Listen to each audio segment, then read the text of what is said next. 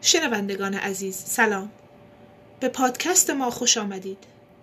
امروز شعری برای شما می‌خوانم از شاعر محمد رستمی.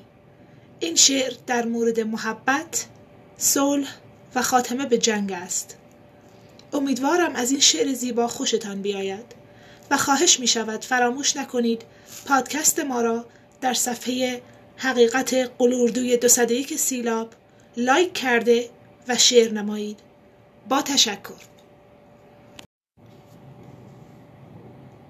در سرای زندگانی جنگ قدرت تا بکی این همه تعجیل کردن بهر ذلت تا بکی با محبت دشمنی نابود و خونسا می شود. زندگانی بهر صلح است جنگ و نفرت تا ما که از اول همه اولاد آدم بوده ایم بعد با شمشیر و ترکش مرگ عزت تا به جنگ از آغاز خلقت یک کتازی کرده است.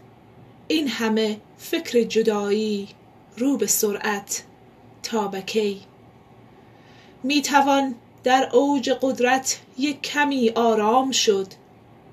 تا به خود آیی که دیگر که حرمت تا به کی. زشت باشد هر که را در دل عداوت پرورد. مهربانی خوشتر است آزار و محنت تا به کی. عشق را فریاد کن تا گوش هستی بشنود. زندگی معنا پذیرد روز حسرت تا به کی.